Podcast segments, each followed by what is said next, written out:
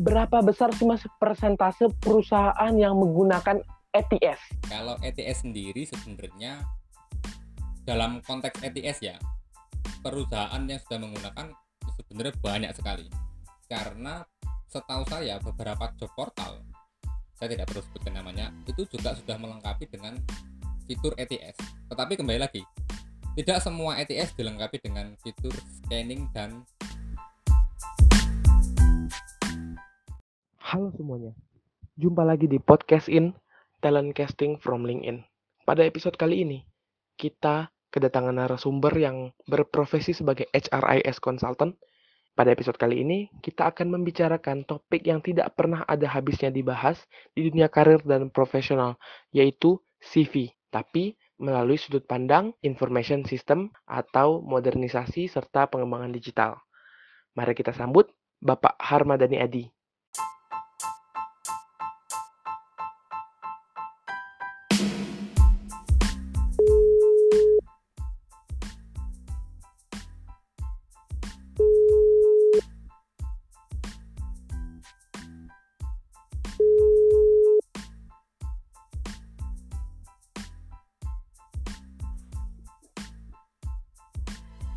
Halo Mas Dani. halo Aurel Mas Aurel Wah, apa kabar Mas Dani? Alhamdulillah baik-baik saja ya kondisi Gimana? new normal di rumah saja kasihan Waduh, jadi pekerjaan segala se- semuanya dari rumah ya Mas ya? ya jadi semenjak adanya new normal ini eh, kantor saya menerapkan kerja di kantor atau WFO nya itu seminggu sekali jadi masih tetap sering ada di rumah Mantep banget Mas. Jadi sekarang kita jumpa lagi nih Mas Dani nih di seri podcast in. Jadi gitu ya, podcast in nih. Jadi namanya podcast dari LinkedIn gitu.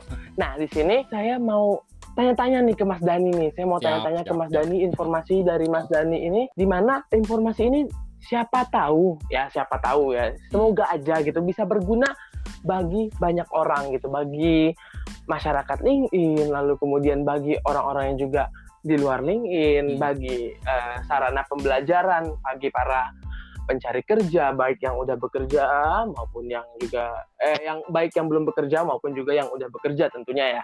Ya. Nah di situ sih mas, Nah, nggak apa-apa mas saya tanya-tanya ya mas ya. boleh dong boleh banget Nah sebelum itu saya mau kenalin dulu ini Mas Dani ini eh, pekerja, ah pekerja sudah bekerja statusnya Mm. dan saat ini bekerja di JPayroll ya Mas ya. Ya. Nama perusahaannya JPayroll sebagai Human Resource Information System gitu. Jadi Uh, bagian resource Human Resource information system consultant Human Resource Information System Consultant Ya. di mana eh, ini bagian HR atau sumber daya manusia tapi berkaitan dengan eh, sistem informasi dijalankan di perusahaan tersebut gitu kan Ya. di banyak perusahaan kliennya juga ya tentunya ya Mas ya ya betul betul betul nah kalau gitu saya mau tanya-tanya ke Mas Hmm, Dani hmm, untuk malam silakan. ini itu berkaitan dengan HR dunia HR nih yang Hmm. yang juga banyak ingin diketahui oleh banyak orang lah sebagai pekerja Mm. kan banyak eh, pandangan uh HR tuh eh, kayaknya menarik ya bikin eh, bikin orang masuk ke perusahaan lalu Hmm. kemudian interview banyak orang dan Hmm. sebagainya gitu kan ya. Mm, mm. terus apa sih yang dikerjain HR terus bagaimana sih HR menyeleksinya? Lewat lewat CV CV gitu. CV Hmm. CV gimana sih cara ngeliatinnya? Nah itu sih yang mau saya tanya-tanya mas. Oke Pak. gimana mas? Dani siap? Siap dong. Silakan mas. Jadi pertanyaannya apa nih yang pertama? Nah, kalau yang pertama nih saya mau nanya nih ke Mas Dani. Dari kan seperti yang kita tahu kalau Hmm. misalnya kita melamar pekerjaan tentunya yang kita lampirin adalah CV atau resume resume gitu kan ya iya Mm. di zaman sekarang ini yang saya tahu ya itu juga udah ada namanya ATS kalau nggak salah mas Ya. applicant applicant tracking system ya Ya. kalau nggak salah itu Mm. di jam- dan itu udah dipakai oleh nggak tahu sih berapa banyak perusahaan gitu ya dan itu untuk menyeleksi karyawan nah saya pengen tahu dong kan Mas Dani di bagian information system Mm, mm. ah, berkaitan dengan teknologi dong tentunya gitu Iya. kan saya pengen tahu secara harfiah CV yang ATS friendly itu seperti apa sih Mas oke gimana Mas monggo dijawab sebelum saya menjawab pertanyaan tentang CV yang ETS friendly itu seperti apa saya akan jelaskan dulu yang terkait dengan ATS tadi. Jadi ATS sendiri itu singkatan dari Applicant Tracking System di mana ini adalah sebuah software yang khusus dibuat untuk departemen rekrutmen untuk membantu proses rekrutmen dari hulu hingga ke hilir. Jadi dari mulai proses awal, mulai tahapan user departemen yang lainnya itu melakukan requisition atau melakukan permohonan penambahan karyawan hingga sampai ke karyawan itu dinyatakan diterima atau on board. Jadi prosesnya panjang sebetulnya. Nah, memang yang jadi pembahasan atau jadi momok di teman-teman di LinkedIn ini hanya sebagian kecilnya di bagian uh, scanning dan screeningnya. Padahal sebenarnya scanning dan screeningnya ini sendiri adalah fitur yang uh, tidak menyeluruh dari ETS artinya sebagian kecil dari fitur yang ada di ETS nah scanning dan screening ini juga tidak ada di semua ETS jadi tidak semua ETS punya fitur ini hanya ETS ETS tertentu aja yang dilengkapi dengan fitur-fitur ini. Tentunya juga uh, eh, ETS yang sudah punya teknologi parsing untuk melakukan scanning uh, CV-CV. Nah, terkait dengan pertanyaannya Mas Aurel, bagaimana sih CV yang ETS friendly? CV yang ETS friendly itu adalah CV yang bisa dibaca oleh aplikasi ETS ini. Jadi e, konsepnya adalah begitu CV itu kita upload ke sistem ini dia akan langsung otomatis melakukan scanning untuk menempatkan teks-teks yang ada di CV itu kan teks e, eh, CV itu kan bentuknya PDF biasanya Nah, itu teks-teksnya ditempatkan ke parameter-parameter yang seharusnya. Contoh, misalkan di CV kita tulis namanya Aurelio Pedra. Itu kan kalau di persepsinya Mas Aurel adalah sebagai nama. Tetapi kan kalau misalkan itu dibaca oleh komputer, komputer tidak tahu Aurelio Pedra itu apakah nama orang, mungkin juga bisa nama tempat, nama daerah, komputer tidak tahu. Nah, ap aplikasi ini atau sistem ini dilengkapi dengan AI yang membaca CV ini kemudian dibandingkan dengan logiknya dia. Oh, Aurelio Vedra ini seharusnya nama. Makanya saya akan tempatkan kata ini ke dalam parameter nama. Dan itu juga dilakukan di semua teks yang ada di dalam CV itu kemudian ditempatkan di parameter-parameter yang seharusnya. Nah, kembali lagi, bagaimana CV yang ETS friendly itu? Ya, CV yang ETS friendly adalah CV yang bisa dibaca. Keyword-keywordnya jelas. Kalau misalkan nama, ditulis nama. Kalau misalkan tempat tinggal, ditulis tempat tinggal. Nomor telepon, ditulis nomor telepon. Me, apa, job title, ditulis job title. Terus skill, ya ditulis dengan skill. Jangan sampai seperti ini. Yang terjadi adalah misalkan yang paling simpel deh nomor telepon nomor telepon itu kan sebenarnya ya pasti bisa baca kalau misalkan kita tulis 085 sekian sekian sekian itu ada nomor telepon tetapi masalahnya karena ETS ini kebanyakan yang punya uh, fitur scanning dan screening ini asalnya dari luar negeri bisa jadi urutan nomor telepon itu tidak 085 tapi 12 kan ada juga yang yang depannya satu mungkin di nah daripada kita menulis uh, seperti itu lebih relevan kalau misalkan kita tulis contohnya 62 plus 62 85 sekian sekian sekian sekian. Itu menunjukkan bahwa itu adalah nomor telepon di area Indonesia. Itu contoh kecilnya. Contoh lain adalah kita menulis job title. Job juga sama. Misalkan nih kita uh, menulis internship sebagai job title internship ya umumnya digunakan oleh teman-teman yang masih uh, fresh graduate atau yang masih belum ada pengalaman dia punya pengalaman magang waktu dia kuliah lalu dituliskan di CV-nya dia dengan harapan itu akan terbaca sebagai job title. Nah, masalahnya internship ini kan sebenarnya bukan job title. Internship ini kan sebenarnya adalah employment status. Nah, ini yang akhirnya tidak terbaca oleh ETS karena ETS membacanya internship itu adalah employment status, bukan job title. Nah, daripada kita menulis internship sebagai job title, alangkah lebih baiknya kita tulis pada saat magang si pelamar ini mengerjakan apa. Contoh misalkan saya dulu pernah magang sebagai junior audit di accounting firm seperti itu. Nah saya tulis aja junior audit staff misalkan seperti itu statusnya intern itu saya akan tulis sebagai pelengkap nah mungkin kira-kira seperti itu sih mas utamanya sih dari keywordnya Oke, keren banget nih Mas ya. Berarti Hmm. dia itu belajar sendiri ya, kayak machine learning gitu ya, Iya, berarti iya, ya. iya. Jadi Iya. mereka eh, apa sistem ATS ini mendeteksi sendiri mana yang nama, mana yang nomor telepon, dan Hmm. kalau bisa tadi tuh yang pelajaran dari Mas Dani itu set, eh, kita tekankan lagi kalau kan banyak ya kode nomor di belahan dunia ada yang plus satu, Ya, ada ya, yang enam, ada yang Hmm. segala macamnya. Nah, agar lebih mudah di tracking sebagai itu adalah nomor handphone, Mm-mm. maka lebih lebih baik ditulis plus 62 atau kode negara yang Ya, bersangkutan gitu ya Mas ya ya. betul betul, Hmm. betul. Keren keren keren. Hmm. Ini pembelajaran buat kita semua nih. Hmm. Kalau misalnya ATS ini ternyata mendeteksi nih bagaimana CV kita itu isinya apa aja Hmm. dan posisinya sebagai apa dan Hmm. itu sudah di scanning secara relevan gitu dari mesin gitu ya. Ya. Gitu. Keren keren. Mm-mm. Dan selanjutnya nih Mas, Mm-mm. saya mau nanya lagi nih. Mm-mm. Nah, di zaman sekarang nih Mas, terutama di 2020 ini ya, Mm-mm. eh, di mana pekerjaan sudah banyak, kemudian mm, demand atau permintaan terkait pekerjaan juga tambah banyak lagi gitu kan, Eh, banyak lagi lulusan baru, lulusan baru dan lain sebagainya gitu kan.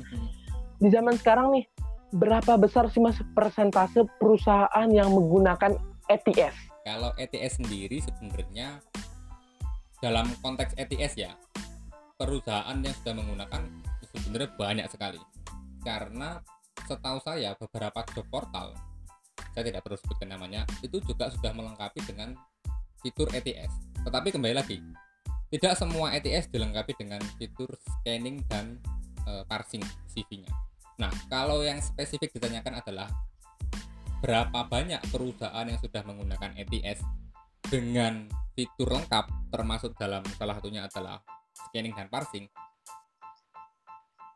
Logikanya gini perusahaan yang butuh ETS dengan fitur scanning dan parsing itu adalah perusahaan yang punya load rekrutmen tinggi misalkan dia jumlah karyawannya besar contoh saya pernah menangani sebuah project yang karyawannya lebih dari 20.000 karyawan di mana hampir setiap hari kak perusahaan tersebut itu melakukan rekrutmen minimal 100 karyawan. Nah kita bisa bayangkan sendiri dengan melakukan eh, proses rekrutmen setiap hari dengan volume yang tinggi, ini kan akan menyita waktu untuk men-screening lamaran, men-screening eh, CV, men-screening resume. Menurut saya itu akan menghabiskan waktu pastinya. Nah, gimana sistem bisa membantu departemen rekrutmen ini agar lebih efisien dalam melakukan eh, screening lebih tepatnya. Nah, akhirnya dibuatlah aplikasi ini.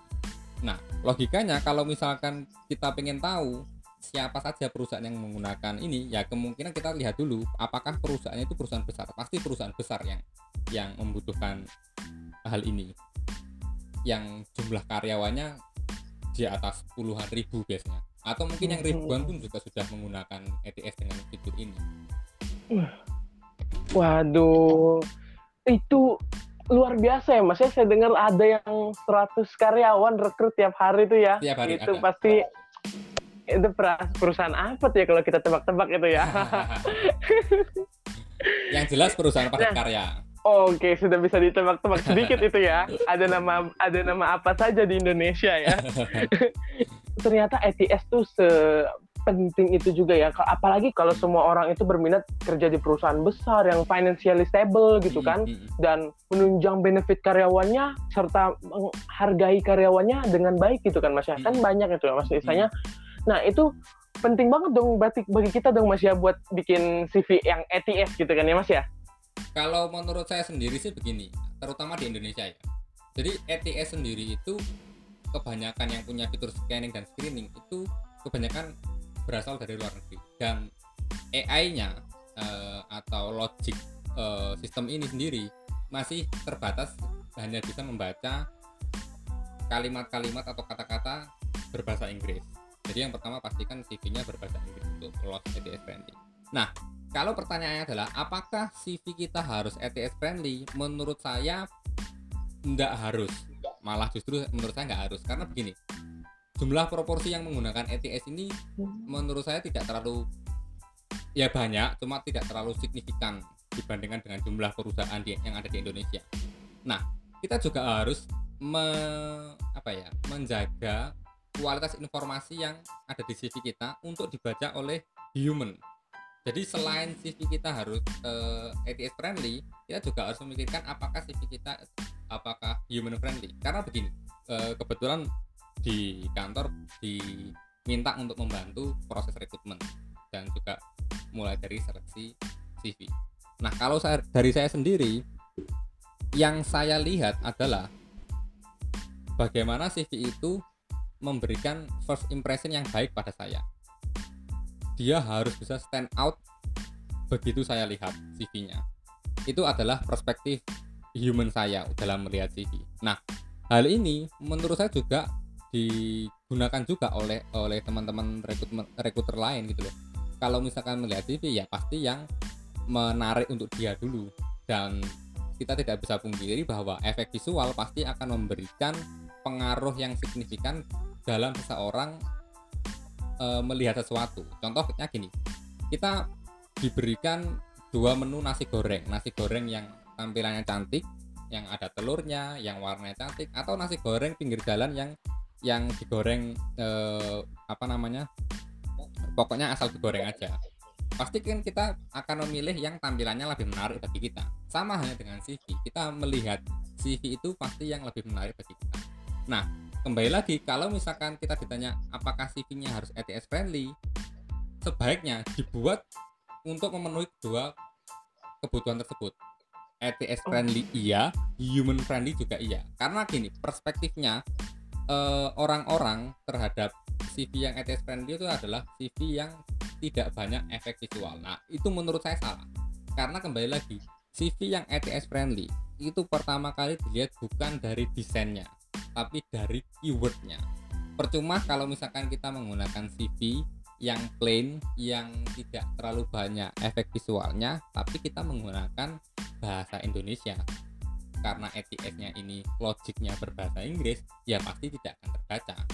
Seperti itu, Mas. Oke. Oh menarik saya itu mas menarik sekali itu. Saya kutip tuh mas berarti buat teman-teman semua hmm. bagi para pencari kerja juga bagi para fresh graduate berarti belum tentu CV yang ATS friendly itu tidak cantik ya mas ya? Gitu kan oh, ya? belum belum ah, tentu belum, belum. bisa cantik. CV yang ATS friendly itu tidak memanjakan mata. Ya, memanjakan ya. mata harus tapi ATS friendly juga perlu. Gitu ya, kan ya mas betul, ya? betul betul nah selanjutnya nih mas hmm. saya mau tanya lagi nih. Terus uh, kalau misalnya nih Mas, uh, kita logik ya, perusahaan tersebut itu menggunakan ATS yang lengkap gitu ya Mas. And then kemudian CV kita ini itu kita ingin mengirim CV. Hmm. Nah, benefitnya apa Mas? Kalau misalnya CV kita itu ATS friendly dan kemudian CV kita kita kirimkan, apakah itu langsung ada di urutan teratas gitu Mas dan kita langsung dipanggil interview? Gimana tuh Mas pendapat Mas?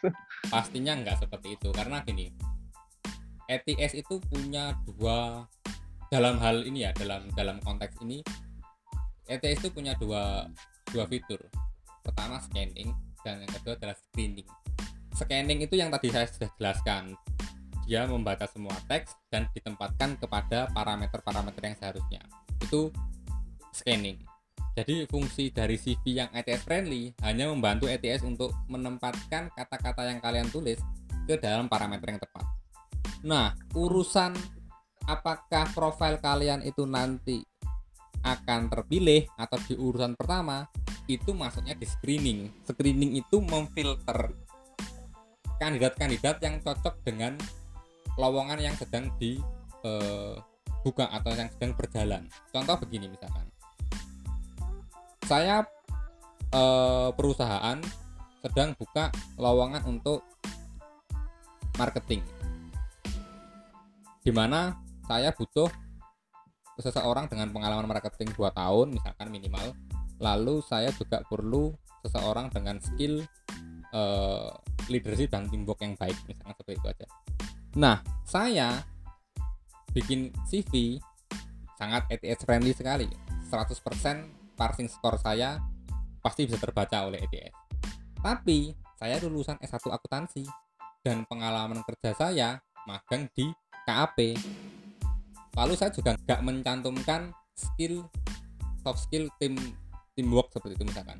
Saya malah mencantumkan yang hard skill hard skill yang ber, berhubungan dengan counting. Seperti itu. Nah ini kan nggak match. Jadi begitu saya si perusahaan tadi melakukan screening mencari kandidat yang sesuai dengan kebutuhan saya ya nggak ketemu yang S1 akuntansi ini. Karena yang saya butuhkan adalah seseorang dengan pengalaman marketing. Sementara yang ini tadi meskipun parsing skornya 100% tapi dia tidak punya tidak punya pengalaman di bidang marketing ya nggak akan cocok. Screening skornya akan rendah. Seperti itu. Jadi nggak nggak selalu mas. Jadi kembali lagi oh. kalau misalkan ditanya urutan itu urusannya screening. Dan kalau ditanya apakah kalau screening skornya tinggi akan otomatis dia terpilih menjadi kandidat untuk masuk ke perusahaan. Ya tidak karena setelah screening ada satu lagi. Bukan satu lagi ada banyak tahapan lagi yang harus dilalui. Yang menentukan terpilih apa tidaknya ya kembali lagi ke usernya ke humannya. Seperti itu mas.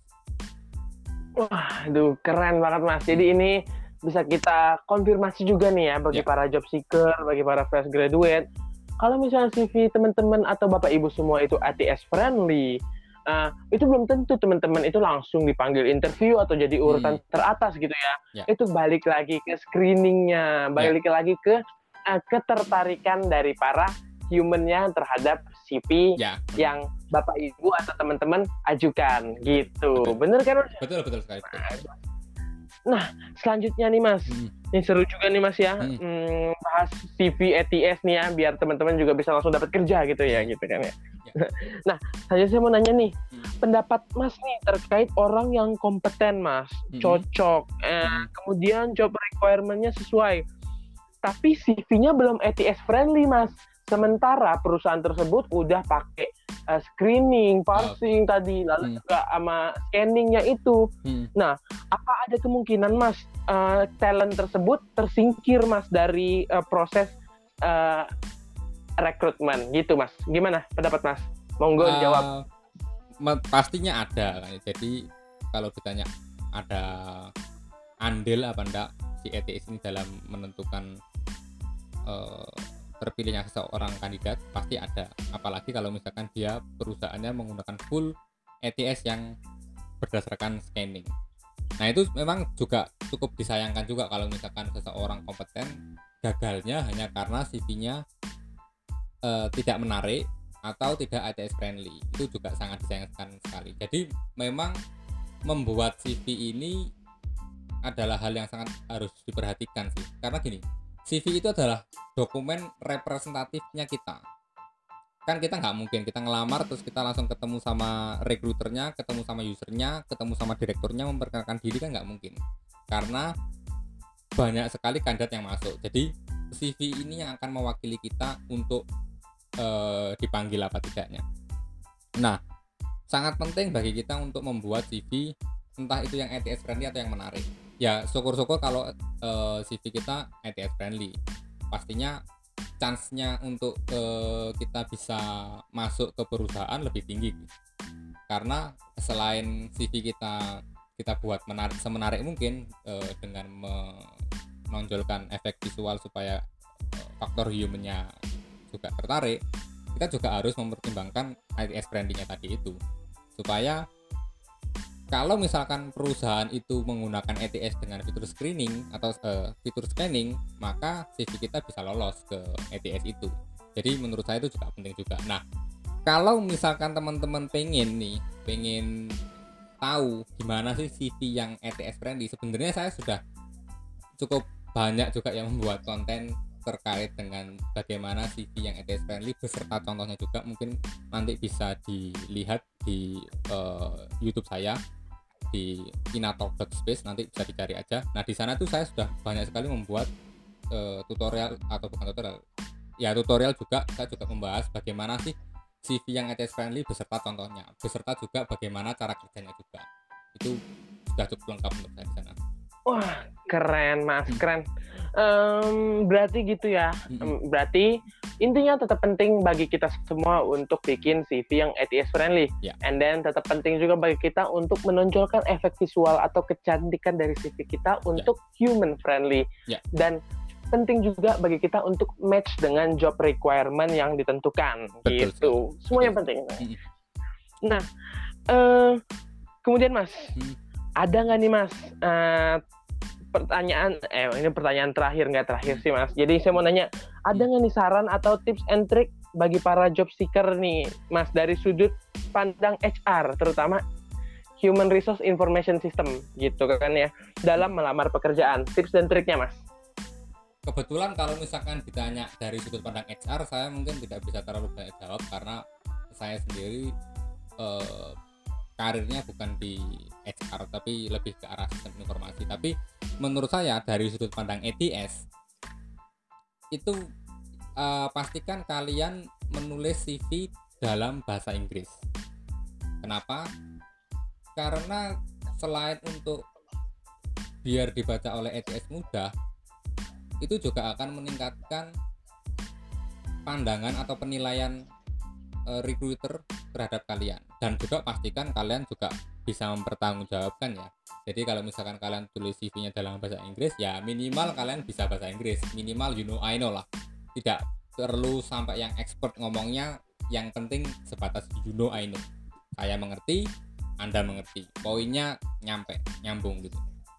Nah yang kedua adalah tulislah CV dengan sejujur-jujurnya. Jadi misalkan gini, kan saya sudah sering tuh eh, sharing tentang CV yang ETS friendly. Nah, screening itu mencocokkan dengan apa namanya eh, requirement, skill-skill yang dibutuhkan. Nah, kalau misalkan kita sudah tahu, oh ini lowongan ini butuh skill ini, ya wes saya tulis aja di CV saya skill ini.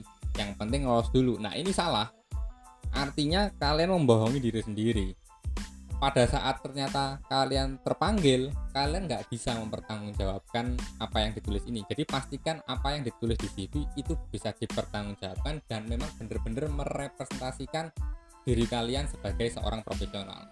Itu. Nah satu tips terakhir dari efek visu dari segi visualnya ya. Jangan menulis CV dengan font-font yang aneh-aneh. Nah, ini yang sangat sering sekali dilakukan oleh fresh graduate. Pikirnya supaya mengimpress dengan efek visual yang menarik, diberikan font-font yang fancy, yang aneh-aneh, tulisan Latin lah, tulisan dekoratif lah, supaya tujuannya memberikan efek visual atau first impression yang baik. Alih-alih itu menjadi menarik, yang ada adalah eh, membuat seseorang membacanya lebih susah. Karena font-font yang fancy, yang dekoratif itu lebih lebih lama untuk dibaca seseorang. Jadi gunakan hanya dua jenis font ini, serif sama sans serif. Itu adalah keluarga font. Jadi font family, serif itu yang dia fontnya kayak semacam Arial, eh, Calibri seperti itu. Kalau sans serif itu kayak Times New Roman, Georgia seperti yang ada ekor-ekornya. Nanti cari aja di internet eh, font serif itu seperti apa, font sans serif itu seperti apa. Nah, dua font ini adalah font yang sudah berdasarkan penelitian paling baik untuk dibaca oleh sistem dan paling baik dibaca oleh manusia. Jadi manusia membacanya nggak kesusahan, eh, nggak kesulitan dalam membaca font ini. Dari segi sistem juga mereka gampang bacanya. Itu sih mas mungkin tips-tips dari saya dalam menulis CV yang text friendly. Oke, berarti kalau kita boleh review lagi tadi yang Hmm. pertama itu apa Mas? Yang pertama itu Bahasa Inggris. eh, bahasa Inggris, Hmm. benar. Teman eh, bahasa Inggris. Ya, lalu yang kedua, itu tulis yang eh, sebenar-benarnya. Jujur betul, jujur. jujur. Yang ketiga itu gunakanlah font yang font friendly. Benar, kita Ya. ada istilah baru lagi nih. Fontnya harus friendly, sans Friendly. serif atau serif. Serif ya. Hanya Oke. hanya dua itu aja. Mm, mm, mm. Oke mas, waduh ini seru banget nih mas ya eh, bahas eh, information system di dunia HR, Hmm. terutama CV yang ATS gitu. Ya. Nah eh, terakhir-terakhir Hmm. dari podcast in seri malam ini, eh, saya pengen tahu dong mas, eh, mas kasih closing statement dong bagi para job seeker, bagi para pendengar, bagi para eh, penikmat podcast in, bagi para warga LinkedIn, semuanya deh, mas kasih closing statement dari mas apa yang ingin Mas sampaikan? Kalau menurut saya dalam mencari pekerjaan itu kalian harus be bold dan be different. Jadi harus apa ya? Kan saingan itu kan banyak sekali. Nah, di antara banyak kerumunan orang ini, bagaimana caranya supaya kita bisa menjadi kandidat yang terpilih? Ya kita harus menjadi seseorang yang uh, mencolok uh, dari kerumunan itu. Nah, bagaimana cara kita bisa menjadi seseorang yang uh, menarik perhatian bagi recruiter ya? Kita harus bisa menunjukkan kelebihan-kelebihan kita. Meskipun itu dari hanya dari CV, tetapi kalian harus bisa menonjolkan sisi-sisi uh, kekuatan kalian di dalam CV itu. Jadi itu tadi sih. Dan juga menjadi uh, be different artinya gini CV itu banyak sekali yang yang bagus-bagus sudah. Tapi apa yang membuat seseorang tertarik pastinya adalah sesuatu yang berbeda, tetapi berbeda in a good way ya. Jadi pastikan berbedanya ini memperhatikan koridor-koridor agar dilihatnya masih dalam taraf yang baik seperti itu sih mas. Jadi uh, saran saya adalah be bold and be different. Wah, itu keren banget mas. Be bold and be different. Yeah. Itu buat teman-teman ya. Karena jadi bagi saya juga sedikit berbeda itu lebih baik daripada sedikit lebih baik. Ya. Wah, keren gitu ya. Nah, oke, okay. selesai sudah untuk seri podcast in malam hari ini. Uh, terima kasih Mas Harmadani Adi. Nah, bagi teman-teman semua, bagi para job seeker, bagi para warga link, dan bagi para penikmat podcast in, teman-teman bisa kunjungi Mas Harmadani Adi, profile LinkedIn-nya di Harmadani Adi hmm. Harma D H A N I spasi A D I Harmadani Adi. Okay. Atau Mas uh, bisa kunjungi juga YouTube Mas Harmadani Adi di Inat Talk Space. Yeah. Inat hmm. Talk Space, Inat spasi Talk Space dan itu di sana juga banyak konten-konten menarik dari Mas Harmadani Adi yeah. terkait uh, Human Resource Information System. Ya. Oke, okay, terima kasih banyak. Kita terima tutup kasih, untuk seri podcast malam ini. Oke. Okay, Kita bertemu di seri podcast ini berikutnya. Sampai jumpa semuanya. Sampai jumpa Mas Harmadani Adi. Ya, sampai jumpa Aurel. Terima kasih. Terima kasih.